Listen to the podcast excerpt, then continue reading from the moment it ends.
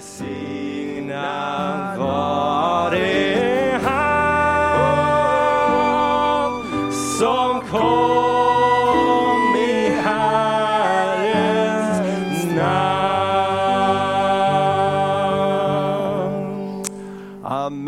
Välsigna välsignar dig Herre. Vi tackar dig för att du kom till oss. Vi tackar dig Jesus för advent, för julen och för Guds stora gåva till oss. Tack Jesus och vi ärar dig. Amen. Varsågod och sitt. Tack så mycket. Ska vi ge ungdomarna här en applåd? Bra. Hela det här fantastiska gänget har jobbat under helgen här och, planerat och, och genomfört den här ungdomshelgen och det har varit väldigt många bra samtal och, och förbönstunder också. Vi är glada för det. Det finns hopp för framtiden. Amen. Eh, idag är det ju advent och vi ska läsa några bibelord och tala lite grann om advent. Och vi har ju sjungit sångerna och eh, det här är ju dagen när eh, folket ropade Hosianna, Hosianna. Och Hosianna det eh, kommer ifrån det hebreiska eh, ordet hos Anna och det betyder rädda oss eller kom med hjälp. Och det är precis det som vi behöver. Rädda oss, kom med hjälp. Ska se om vi, där har vi någon bild. Rädda oss, kom med hjälp. Det är hos judarna förekommande en vädjan till kungar eller bön till Gud. Och när Jesus red in den där dagen i Jerusalem och folket la ner sina mantlar och sina palmblad och hälsade honom som kungarnas kung. De ropade Hosianna, fräls oss, rädda oss, kom och hjälp oss. Och vi vet att eh, lite senare så ropade samma folkskara korsfäst honom, korsfäst honom, korsfäst honom. Jesus är den lidande konungen, Jesus är den triumferande konungen. Jesus kom för att eh, tala om ett rike som inte är av den här världen. Han kom för att förkunna ett annat rike. Och det riket är också förknippande med lidande. Vi vet att Bibeln säger att han var lydig ända in till döden på korset. Och därför har också Gud upphöjt honom och gett honom namnet över alla andra namn. Så när vi tänker på Jesus, när vi firar advent, när vi firar jul, så firar vi ett annorlunda rike, startet på ett annorlunda rike på jorden. Och som troende så måste vi vara medvetna om att det här riket aldrig kommer att passa in i den här världens system. Därför att det är ett annorlunda rike. Vi går till nästa bild här så ska vi läsa ifrån Johannes evangeliet, det 18 kapitlet. Och från vers eh, 36 och 37, det är en av texterna för dagen också. Jesus han är kungarnas kung och här står han inför Pilatus som senare ska vara med och, och döma honom till döden, en, en erkänt eh, grym kung. Man vet att eh, några kapitel tidigare så talar eh, judarna och lärjungarna kommer till Jesus och säger att Pilatus han har eh, Eh, dödat Galileerna och han har blandat deras blod och, och i, i vårt offer i templet. Han har försökt göra allt för att bara trycka ner oss. Och, och det var en massaker i Jerusalem som den här samma Pilatus hade stått för. Men nu möter han Jesus själv. Och det är någonting när vi möter varandra på nära håll, då blir vår relation annorlunda. Har du märkt det? Det är lätt att tycka en massa om människor när man är på avstånd. Det är lätt att ha åsikter om allt möjligt när man är på avstånd. Men när man kommer nära varandra så blir det en annan ton.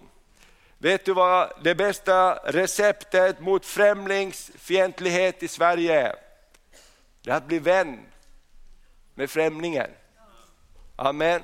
Går du nära en som kommer från ett annat land, börjar du prata med den så ser du, här är en människa med, med en fantastisk historia. Här är en människa som, som drömmer om en framtid. Amen.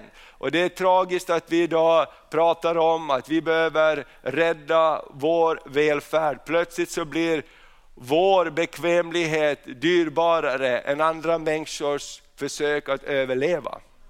Vilken konstig jämförelse. Vi behöver stänga våra gränser så att inte vi blir störda i våra varma sängar och i våra dignande bord när vi pratar om människor som försöker överleva. B.O. Svensson, pastor från Sävsjö, jag, jag nämnde det tidigare, jag vill nämna det igen, han var nere i Aten, Livets Ord jobbar ju med det här Refugees Welcome och för Uppsala kommun och är med och samlar in och för till Aten hjälp när de kommer med de här små gummibåtarna. Och, och, och P.O. Svensson har varit med där för några veckor sedan och delat ut nödhjälp till de som kommer med de här små gummibåtarna. För de använder de dåligaste båtarna som finns därför att de får aldrig ta dem tillbaks utan de förstör dem när de kommer fram. Därför använder de inte bra grejer. Och då talade han med en familj som hade kommit i en gummibåt som var sex meter lång, över från Turkiet till Grekland. Den var så överlastad att efter ett tag när de hade åkt och började komma in vatten, så sa han som körde, släng alla väskor över bord, annars sjunker vi. Alla slängde sina väskor över bord, ingen vill drunkna, eller hur? Efter ett tag så fortsatte den här gummibåten att ta in vatten och han som körde sa, ni är sex stora killar här, ni får hoppa i vattnet och hänga i snören efter båten, annars så drunknar vi. Fatta när man kommer i land och de kom över och de betalar 600 dollar var för att sitta i den gummibåten. Vad har du kvar då när du kommer fram? Du är blöt, det lilla du hade med dig och bar, det har du slängt i Medelhavet. Och, och, och Därför så tror jag att en advent, när vi pratar om Jesus, så pratar vi också med en lidande konung som står på den svages sida. Och därför tror jag att i de här tiderna ska vi som troende, som kyrka, vi ska stå för en annat budskap. Vi ska stå för ett annat hjärta i vårt samhälle, därför att vi står för ett annat rike. Vi står för Guds rike. Sen är inte allting lätt och sen måste vi hitta bra och smarta sätt att lösa frågor och ting. Och, och det ska Gud hjälpa oss med, men vi ska inte låta våra hjärtan vara kalla. När jag, när jag hörde och läste det här i nyheterna så kom jag bara att tänka på den här lilla boken som Emanuel Minos skrev, Ta plats, dörrarna stängs. Jag vet att eh, vi har sålt den i vår bokshop, många har läst den. Där är profetian om hur många ska komma till våra länder. Och plötsligt ska vi börja stänga våra gränser och vi ska bli kalla och, och hårda mot dem som har kommit för att söka vår hjälp. Och det är ingenting som behagar Gud utan det ska vändas emot oss. Och därför tror jag att det är viktigt att vi som kyrka säger, vi representerar ett annat kungadöme. Amen. Vi representerar ett kungadöme där Jesus, han är den lidande men också triumferande konungen. Och så här står det i, i, i, nu när, när, Pilatus möter Jesus och han blir lite skakig, vem är den här Jesus? Det är inte bara att skicka och döda honom, jag märker att han är annorlunda. Och han har ett samtal med honom och då kommer de fram till frågan. När Pilatus frågade, vem är du riktigt? Och Jesus svarade vers 36, mitt rike är inte av den här världen. Om mitt rike vore av den här världen hade mina tjänare kämpat för att jag inte skulle bli överlämnad åt judarna. Men nu är mitt rike inte av den här världen. Är du troende och frälst så är du med i det riket som inte är av den här världen. Pilatus sade, du är alltså en konung. Jesus svarade, du säger själv att jag är en konung. Ja, för att vittna om sanningen är jag född och därför har jag kommit till världen. Var och en som är av sanningen lyssnar till min röst. Amen. Sanningen är någonting väldigt dyrbart. Och eh, Bibeln säger att Gud är sanningen. Därför behöver man aldrig vara rädd för sanningen. Hur sanningen än är, så finns det alltid en frihet i sanningen. Amen. Och ibland så sprids det en massa rykten och, och, och det finns en massa olika eh, eh, eh svartmålningsförsök av olika eh, människor ibland och situationer. Och det finns sådana här ordspråk som säger ingen rök utan eld och sådana här olika ordspråk. Och jag tänker bara så här att du och jag, vi har ingen orsak att leta sanningen i lögnen. Väldigt tidigt så bestämde jag mig för det, Eh, när, när, när eh, jag är uppväxt i en pastorsfamilj och när jag var ungefär 16, 17, 18 år så fick jag en stark längtan att gå på Livets Ords bibelskola. Och, och då var det väldigt mycket skriverier, precis som det kan vara idag också ibland. Eh, och, och då så var det så mycket man pratade. Jag, bodde, jag, hade en pastors, jag bodde i ett pastorshem och, och man kom dit, många pastorer kom dit och man hörde mycket vad som pratades fram och tillbaks. Och någonstans där så bestämde jag mig att jag har ingen skyldighet att leta sanningen i lögnen.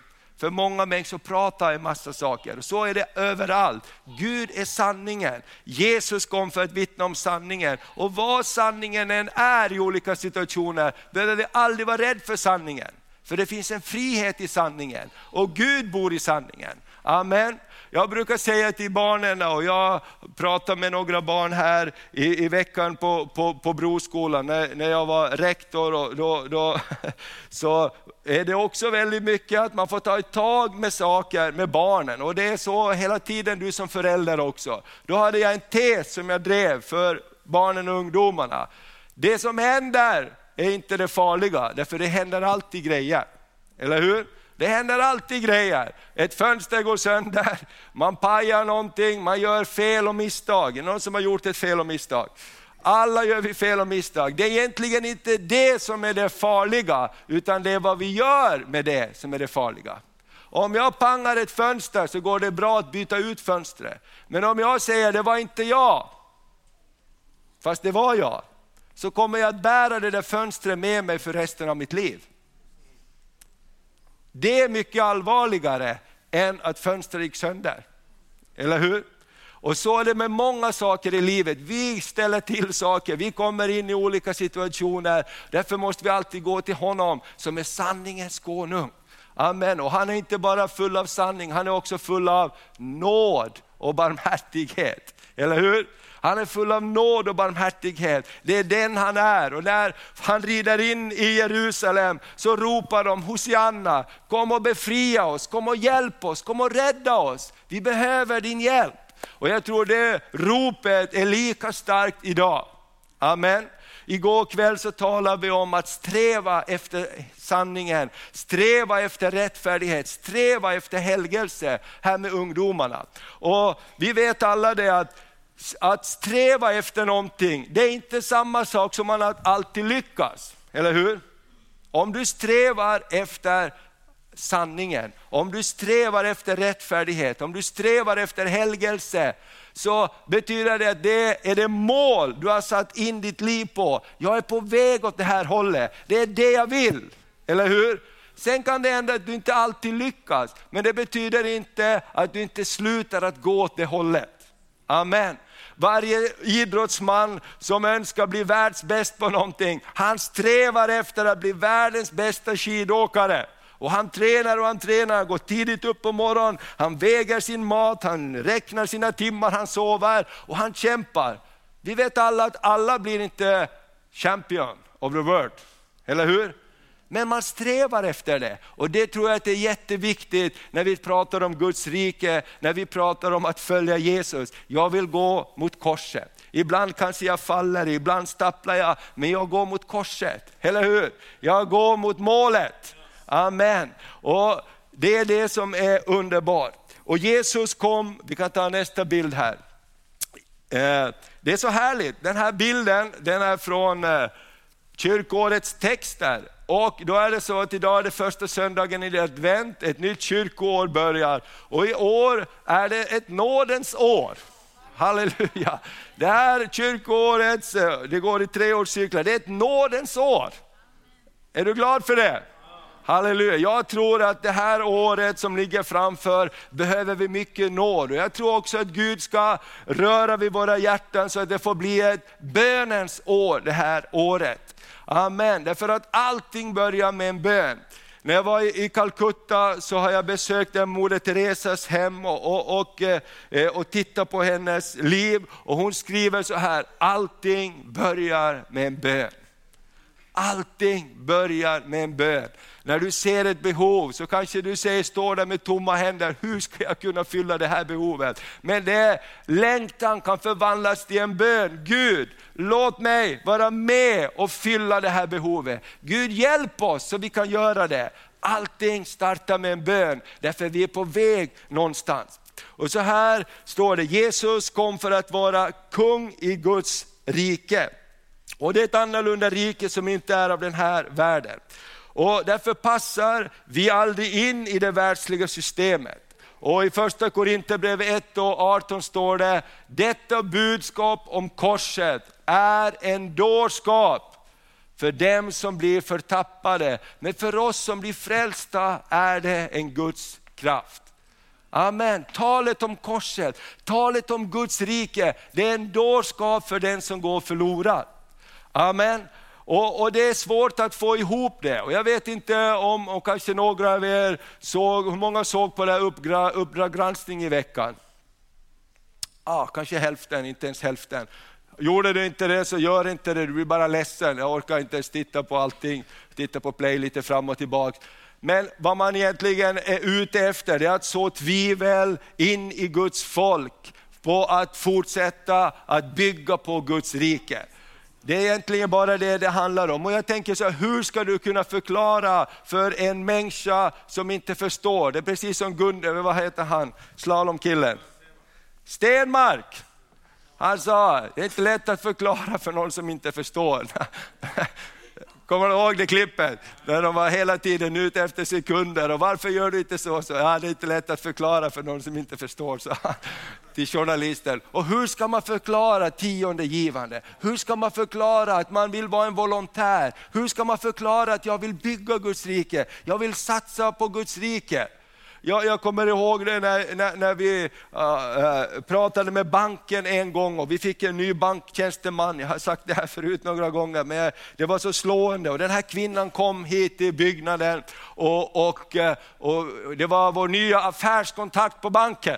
Och hon kom och tittade, jaha, vad är det här? Och så satt vi och vi visade runt lite, och satt vi kring bordet och pratade och så frågade hon, hur går det här då? Uh, har ni kontrakt med era medlemmar? Äh, vad menar du, sa jag. menar, hur vet ni att ni får in pengarna? Äh, det vet vi inte, sa jag. Det vet man bara när man tittar bakåt i historien. Hon bara tittar på mig och så, så förklarar jag för henne, när du åker runt här i byggnaden så ser du en massa kyrkobyggnader som är byggda. Ingen av dem nästan är byggda med statliga pengar. Alla de är byggda med människors frivilliga gåvor, därför någonting har rört deras hjärtan. Vissa har gett jättestora summor för att kyrkor ska kunna byggas. Och Det kan man inte räkna ut, det kan man inte göra på ett kontrakt. Och hon förstod inte det. Så det resulterade i att vi fick byta tjänsteman på banken. faktiskt. Hon blev, fortsatte inte att vara vår tjänsteman, de satte in en annan istället. Men därför att, ja men hur ska du förklara det? Hur ska du förklara och garantera att ni ska kunna fortsätta betala kyrkan eller de anställda? Hur ska ni veta det? Vi vet inte det, men vi tror det. Eller hur? Därför att vi, våra hjärtan är rörda. Amen. Prisat vare Herrens namn. Och därför att vi, vi har fått ett annorlunda rike ett annorlunda, vi bygger ett annorlunda rike. Om andra säger nej så kan vi säga ja till olika saker. Om alla andra säger ja så kanske vi säger nej. Amen. Följ inte mängden i vad dumt det är. Det är inte alls säkert att fast alla säger ja, att det är rätt. Eller hur? Och, och, därför så, så är det ju ett annorlunda rike och det här kan vi aldrig få ihop med världens system. Därför kommer vi alltid, precis som Jesus och hans lärjungar, att få lida förföljelse för vår tros skull. Och därför så är det så bra att fylla sig med rätt saker, för att när man är glad och fylld med frid och kommer nära människor, så blir det på ett annat sätt. Eller hur? För att då har vi inte en massa fördomar med oss. Och jag själv har fått jobba mycket med det här. För många år sedan när vi började jobba här och, och det var ju så mycket, man tänkte så här, det är så mycket fördomar mot oss. Och det är bara att titta när vi hade 30 års jubileum och vi tittar på historien och man har läst, vi läste lite genom tidningsurklipp och nidbilder och allt möjligt. Och man tänkte, vad ska folk tro? Tror de inte, vad ska grannarna tro? De tror inte man är klok. Eller hur? Det var en bild där Sven Alm körde med en Rolls Royce och, och kollade ner på dem som, som åkte med rullstol och så vidare. Och alla som kände Sven Alm visste att han hade en bil som hade spetälska. Den var alldeles full av, av prickar och rost och, och var glad. En Toyota Corolla, ljusblå ja, och så vidare. Alltså, hur ska man få ihop det? Och då tänkte jag så här, då fick jag en utmaning. Jag lyssnade på en kille som jobbar med det här Dream Center i Los Angeles. Och han sa så här, varför ändrar du inte på det ryktet? Och det tror jag att med Guds hjälp har vi gjort. Vi har börjat jobba med, med skolan, med förskolan, framförallt med biståndscentret. Det är så roligt att se alla människor som kommer dit, ger ett annat budskap. Vi vill hjälpa människor, vi vill välsigna människor. Vi är inte fullkomliga, men vi vill hjälpa andra människor. Och jag, jag tror det är så viktigt, och det här när vi kommer nära människor. Jag jobbade, eh, när jag gick på bibelskolan, mellan åren där, så körde jag lastbil. Och min brorsa fixade in mig på ett jobb där så att jag fick köra lastbil i Stockholm på en byggarbetsplats, och jag körde bygggrejer. Och då satt man och fikade med de där bygggubbarna i, i barackerna där. Och då var det ett gäng från Uppsala som var, plats, som var stenläggare, de la stenplattor så här och grejer. Och man satt och snackade, det var ganska rått och de pratade om Livets Ord i Uppsala, allt möjligt. Och vi höll på där och pratade och plötsligt sa jag, men jag har gått på den bibelskolan. Det blev alldeles tyst i hela baracken. Nej, sa de, inte du. Jag tror inte på, sa de. Du är ju normal. Men vad handlar det om? Det handlar bara om massa fördomar. Därför när du är på avstånd så kan du säga vad som helst. Du kan säga vad som helst om de där invandrarna som kommer till Sverige. Men när du kommer nära dem och pratar med dem och fikar med dem och hör deras berättelse så är de inte en främling längre. Amen, de har blivit en vän. Eller hur? Och där måste vi alla hjälpas åt. Amen. Amen. Bra. Amen. Vi läser nästa, tar nästa bild här. Det här med saligprisningarna från kapitel 5. Jag tänkte på det när, när jag förberedde det här. Vi ska titta lite grann på saligprisningarna. Och det talar lite om ett annat rike. Och, och vi kan ta upp våra biblar och då tittar vi Matteus kapitel 5. Många säger att det här saligprisningarna, det är Jesu fantastiska text. Det är en så poetisk vacker text. Det är den mest berömda texten. Hur många av dem har läst saligprisningarna? Alltså det är väldigt utmanande i saligprisningarna. Det är någonstans är det utmaning så är det utmaning. Och det bara berättar för oss att vi behöver en frälsare, vi behöver Hosianna. När vi läser saligprisningen säger vi, hur ska vi fixa det här själv? Det, det går ju inte. Eller hur? Vi behöver hjälp ifrån Gud. Till exempel så då börjar det så här, ska vi ta det tillsammans och läsa saligprisningarna. När han såg folkskarorna gick han upp på berget och satte sig ner och hans lärjungar kom fram till honom. Då började han tala och undervisa dem. Saliga är de som är fattiga i anden, dem tillhör himmelriket. Vem vill vara fattig i anden? Va? Vilket budskap! Vi vill ju vara rika i anden. Vi vill vara rika på alla andliga nådegåvor. Vi vill vara rika på allting, eller hur? Och Jesus säger, saliga är ni om ni är fattiga i er ande, om ni är hungriga, om, om, om ni känner att ni är i behov. Och så fortsätter det så här, saliga är de som sörjer, för de ska bli tröstade. Vi tänker saliga är de som är glada. De har ingenting att bli tröstade över. Och Jesus säger, saliga är de som sörjer. Saliga är de ödmjuka, för de ska ärva jorden. Saliga är de som hungrar och törstar efter rättfärdighet, för de ska bli mättade. Ibland så tycker vi att människor som är så hungriga, att de är lite, lugna ner dig, ta det lite lugnt nu, du stör oss. Visst är det så, om du ser någon som är lite andligt hungrigare än dig och mig, så kan man reagera på två sätt. Är det okej att vi är lite ärliga här idag? Brukar man säga, man ska alltid vara ärlig. Men eh, man kan prata lite rakt fram här. Antingen så kan någon som är lite mer än dig tagga dig att gå vidare. Eller så bara känner du, bara lugna ner dig nu så vi inte behöver, behöver göra mer. Det är som någon ny kommer in på jobbet och jobbar mycket snabbare än du. Då måste ju alla börja jobba snabbare. Eller hur? Eller hur? Ja, men lugna ner dig nu, nu lugnar vi ner oss här lite. Vi har hållit på med det här länge på det här jobbet, vi håller inte på så här snabbt, nu lugnar vi ner oss. Det är det som händer när någon är lite mer än oss. Antingen så triggar, sån där vill jag också vara, jag vill också bli hungrigare. Eller så försöker man tysta ner det. Vad säger det mera? Saliga är de barmhärtiga, de ska få barmhärtighet. Att vara barmhärtig, det kostar på ibland. Saliga är de renhjärtade, de ska få se Gud. Saliga är de som skapar frid, de ska kallas Guds barn. Saliga är de som blir förföljda för rättfärdighetens skull, dem tillhör himmelriket. Vad Jesus säger, om du blir förföljd så ska du vara glad. Vad är det för budskap? Eller hur? Det är ju inte så jätte, det var vackert poetiskt tal, det är kanske är därför man säger det. Man bryr sig inte om innehållet. Hur många längtar efter att bli förföljda för rättfärdighetens skull? Jag gissar det, var inga händer som gick upp i kyrkan idag. Det är ju ingenting man längtar, men Jesus säger saliga är ni när ni blir förföljda för rättfärdighetens skull. Det finns någonting som går igång då. Amen. Det finns någonting från korset som går igång då. Korsets dårskap blir förlöst av kraft i ditt och mitt liv under tider av förföljelse. Vet du vad, under tider av förföljelse växte den här kyrkan mest.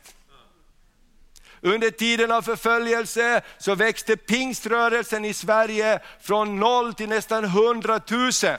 Och man sa, de är inte kloka, de går på väggarna, de är inte ens mentalt friska alla. Bara titta och läsa i, i, i tidningsurklippen, i historien så får du se. Då gick de fram som allra mest. Så det finns någonting i det här som vi inte kan räkna ut med vårt sunda förnuft riktigt. Därför det är ett annorlunda rike. Guds rike är ett annorlunda rike. Och jag kan bara tänka mig Pilatus, han står där framför Jesus, han är helt kolugn. Va? Han svarar när han vill svara, han är tyst när han vill vara tyst. Och han säger, du har egentligen ingen makt över mig, du har bara den makten som någon har gett dig. Vad är det för en man det här som står framför mig? Och, och hans fru får en dröm och säger, rör inte den mannen. Och han, Pilatus, den här tuffa, hårda ståthållaren, han tvättar sina händer framför allt. Folket säger, jag vill inte vara med om det här. Någonting händer när man möter Jesus. Och, och, och det här är saligprisningarna. Och så står det så här, saliga är ni, vers 11 när människor hånar och förföljer och ljuger och säger allt ont om er för min skull. Gläd er och jubla, ty er lön är stor i himlen. På samma sätt förföljer man profeterna före er. Amen. Om vi vill gå vidare med Guds rike så kommer vi att bli missförstådda. Vi kommer att få lida förföljelse för trons skull. Men vad är den tron värd? Den tron som Jesus har gett oss, han som är Hosianna, Davids son, är mycket, mycket mer värd än det. Amen. Är mycket mer värd än det. Och jag känner mig utmanad av saligprisningarna. Amen. Jag säger att om han hade glömt att tala den här predikan hade jag inte saknat den. Eller hur? Om vi är ärliga. Eller hur? Och det här är det mest fantastiska om du hör talas med någon sån här, det är saligprisningarna, bergspredikan, den har vi hört talas om. Men man har knappast läst den. Eller hur? Om din hand, öga, hand förleder dig, hugg av den. Eller hur? Om ditt öga förleder dig, riv ut det. Eller hur? Det är ett väldigt radikalt budskap. Men därför att Jesus, han är annorlunda. Därför att han står för ett annorlunda rike som är byggt på sanning och rättfärdighet och kärlek. Amen. Och därför kunde inte döden behålla honom. Därför har vi ett tomt kors. Han hänger inte kvar på korset, han är inte kvar i graven. Halleluja, därför döper vi människor, därför det är en dopgrav, det gamla är förgånget, någonting nytt har kommit. Halleluja, prisat vare Herrens namn. Hur ska man förklara för det för någon som inte tror? Ja, vi ska fylla vatten här i en bassäng som vi har i kyrkan. Och så ska vi doppa ner människor, det är väldigt bra att göra det. Med kläderna på, ja det ska vi göra. Hur förklarar du det? Det går ju inte att förklara. Och sen ska vi fira nattvard. Hur förklarar du nattvarden för en som inte vill tro? Det är ju jättekonstigt. Jesu kropp och blod, och nu äter vi det och så blundar vi och så ber vi. Eller hur? Därför måste vi bara tänka, det är en dårskap för den som inte tror. Men för den som tror är det till frälsning. Och det här attraherar människor. Det här attraherar människor. Att Jesus var så annorlunda gjorde att Pilatus, den tuffe ståthållaren, han vekna. Han väknade så han sa, det här vill jag inte vara med om. Hämta vatten, jag ska tvätta händerna. Jag vill inte befatta mig med dödande av Jesus. Det får ni göra själv. Eller hur? Jesus är utmanande, Jesus är annorlunda, men det kostar också. Det en, vi kan ta nästa eh, eh, bild. Eh, nej men vi tar inte nästa bild, utan ta tillbaka en. Så står det här i Matteus, nu följde bibelstället bort, men det är Matteus 7 och 13.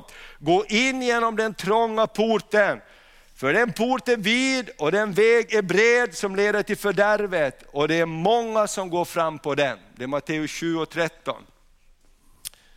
Eh, alltså att gå igenom den trånga porten att följa Jesus. Och det står faktiskt att den porten är så trång att vi inte får med någonting alls själv dit. Eller hur? Det är en trång port, varför då? Därför att han vill förnya oss. Amen. Han vill tvätta oss rena, han vill förvandla oss. Han säger du måste ödmjuka dig. Ah, jag vet inte hur trång den är. Det, det är som att krypa ner liksom. Det är en trång port som vi måste igenom. Vi får haka av oss det ena och det andra. Jo men de här grejerna är bra, de här grejerna, de har vi hållit på med länge i min släkt. Här lämnar jag inte av. Och Jesus säger, bara plocka av dig det där bältet. Plocka av dig den där ryggsäcken om du ska komma in här. Amen, för jag har nya kläder till dig. Jag har nya vapen till dig. Jag har rättfärdighetens klädnad. Jag har vapenrustningen, frälsningens hjälm till dig. Jag har rättfärdighetens pansar, jag har sanningens bälte, jag har beredvillighetens skor, jag har trons sköld och andens svärd. Jag har härlighetens mantel till dig. Vill du komma in? Ja, amen. Jag vill lägga av det så att jag kan komma in. Och till sist så tar vi bara två bibelord, nästa bild där, sista bilden. Ett nådens år från Herren. Jesus var kungen som kom, Hosianna, kom och rädda oss, kom och frälsa oss. Och det står så här i Lukas 19 och 10, Människosonen har kommit för att uppsöka och frälsa det som var förlorat. Amen. Vet du vad? Gud visste att det var förlorat. Han kom inte för att rädda de rättfärdiga. Han kom inte för att hjälpa den som ingen hjälp behöver. Han kom för att rädda och uppsöka de förlorade. Amen, är du glad för det? Han kom för att hjälpa dem som inte nådde upp till ribban. De som inte klarade det i egen kraft. Han kom för att uppsöka och frälsa oss. Och Bibeln säger att Medan vi alla gick vår egen väg så lät han all straff komma på oss. Medan vi gick bort ifrån honom så sökte han oss. Amen. Han söker oss fortfarande. Och jag brukar tänka på, ni vet att jag älskar de första kapitlen i Bibeln. Där finns en av de viktigaste frågor. När Gud kommer till Adam och Eva och han frågar, var är du? när de hade syndat, när de gömde sig för Gud och då kommer Gud och frågar, var är du? Vet du vad Gud gör? Han söker fortfarande och han säger, var är du? Ja men vi har syndat, tror inte Gud visste det? Han var inte på semester, han visste alltihop. Va? Men han, han, han frågar, var är du? Och nu lever vi i korsets tid och han har ett erbjudande, jag har redan förlåtit dig. Amen, du är förlåten, jag älskar dig. Jo men jag har gjort det och det, jag har gått min egen väg. Jag vet det, därför betalar jag priset på korset för dig. Amen. Vet du vad Bibeln säger? Vi ska ta på vårt kors varje dag och följa honom.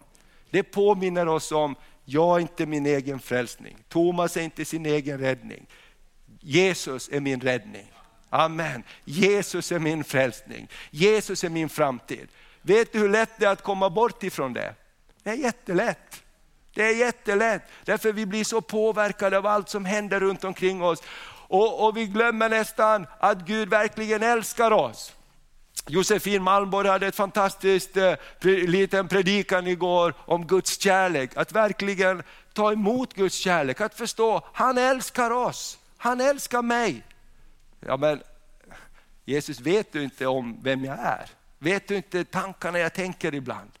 Vet du inte att jag kör för fort ibland? Jesus säger, jag vet det, jag älskar dig i alla fall. Amen. Halleluja. Kan du säga till din granne, vet du om att Jesus älskar dig som du är?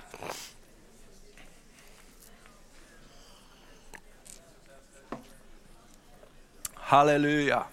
Han kom för att uppsöka och frälsa det som var förlorat. Så för att bli frälst och för att bli räddad så måste jag acceptera att jag är förlorad. Och det är det många säger, ja men är du kristen, är du någon slags bättre människa än vi då? En kristen människa är inte en bättre människa. En kristen människa är en människa som har förstått att jag behöver hjälp. Eller hur? En kristen människa är en människa som har sagt, jag behöver räddning. Jag, jag är förlorad. Eller hur? Det är omöjligt att bli räddad om man inte förstår att man är förlorad. Amen. Och det är det som är grejen och därför ska vi be, därför ska vi välsigna våra medmänniskor runt omkring oss och vi ska be att den helige Ande, och det är bara den helige Ande som kan överbevisa en människas hjärta om synd. Goda gärningar är jättebra, att vi hjälper människor är jättebra, men det är bara anden, den helige Ande som kan knacka på hjärtats dörr och säga, du behöver, ta, du behöver räddning. Amen. Det är bara den helige Ande. Därför så står det också att i de yttersta dagarna ska det vara många som, som, som eh, har ett sken av Guds fruktan, men de vill inte veta av hans kraft. För när vi kommer nära Gud så märker vi att han är en förtärande eld. Han säger, jag får inte ta med mig någonting, porten är så trång. Eller hur? Jag måste falla ner, jag måste ödmjuka mig, jag måste säga, jag behöver hjälp. Amen. Och du vet, vårt största problem idag, det är vår stolthet. Det är roten till all synd, är stolthet i våra liv, över hela världen. Varför bör man kriga mot varandra? Turkiet säger nej, Putin säger nej. Och Turkiet säger, jag ska inte be om förlåtelse för att vi sköt ner ett plan, det var ni som körde fel. Det är precis på samma nivå, bara från sandlådan lite högre upp. Va? Det är exakt samma nivå. Det är därför jag tänker inte böja mig. Du får komma och be om förlåtelse för mig. Du vet var jag bor. Eller hur? Det är precis samma sak. Och det är det. Ja, visst, är, visst är vi märkliga. Man tycker att vi borde ha lärt oss någonting på alla tusen år. Och dessutom finns det historieböcker man kan läsa i hur det går om man inte ödmjukar sig. Och det här är jobbet som vi måste göra. Och, och, och därför behöver vi frälsning. Amen, därför behöver vi säga Hosianna, kom och hjälp oss, kom och rädda oss. Ska vi ropa Hosianna tre gånger? Hosianna, Hosianna, Hosianna. Amen. Gud hörde ditt rop och han ska komma och hjälpa oss. Ty så älskade Gud världen att han utgav sin enfödde son för att den som tror på honom inte ska gå förlorad utan ha ett evigt liv. Amen. Advent, jul, det handlar om att Jesus, Gud älskar världen.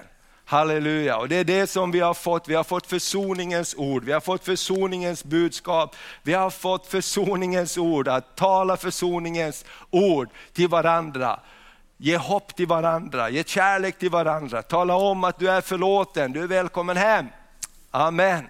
Halleluja. Så låt den här adventssöndagen bli en påminnelse för oss alla. Vi behöver Hosianna, vi behöver sjunga Hosianna, vi behöver säga Hosianna. Vi behöver säga kom och hjälp oss, kom och rädda oss. Amen.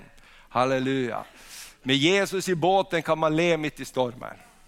Amen. Jesus i båten kan man le mitt i stormen. Halleluja, Jesus är med oss i båten, även när det stormar. Och tron är en kudde som man får vila på. Amen. Jörgen Johansson, kommer du ihåg när du bar omkring Carl Gustav Severin här? Carl Gustav Severin hade en predikan om att vila på trons kudde. Och då så skulle han ta det lugnt och bli buren av tron och då fick Jörgen Johansson bära omkring honom så här när han predikade om att vila i tron. Amen, det glömmer jag inte. Amen. Och han tyckte att han var så lätt på något sätt, bara lyfte upp honom sådär. Amen. Men det är ju att bli buren av Gud, eller hur? Det är att vila i Gud. Vi har inte svaret på alla frågor, vi har inte det, men vi kan ha förtröstan i Gud. Amen. Och vi kan ropa Hosianna, kom och hjälp oss, kom och rädda oss. Halleluja. Och vi ber Fader vår som är i himlen. Helgat vare ditt namn, tillkommer ditt rike, ske din vilja, så som i himlen, så och på jorden. Vi har vår längtan till himlen. Amen. Vårt dagliga bröd giv oss idag. Gud, du förser oss. Vi vet inte hur alltid, vi kan inte förutspå framtiden, men vi vet att du är vår försörjare. Och så säger han, inled oss inte i frestelse, utan fräls oss ifrån ondo. Amen. Inled oss inte i frestelse. Den här veckan som kommer, låt oss be det. Gud hjälp oss att inte bli inledda i frestelse. Fräls oss ifrån ondo. Ty riket är ditt och makten och härligheten i evighet. Amen. Ska vi be den tillsammans till slut? Fader vår som är i himmelen. Helgat vare ditt namn. Tillkomme ditt rike. Ske din vilja så som i himmelen, så och på jorden. Vårt dagliga bröd giv oss idag och förlåt oss våra skulder så som och vi förlåta dem oss skyldiga äro.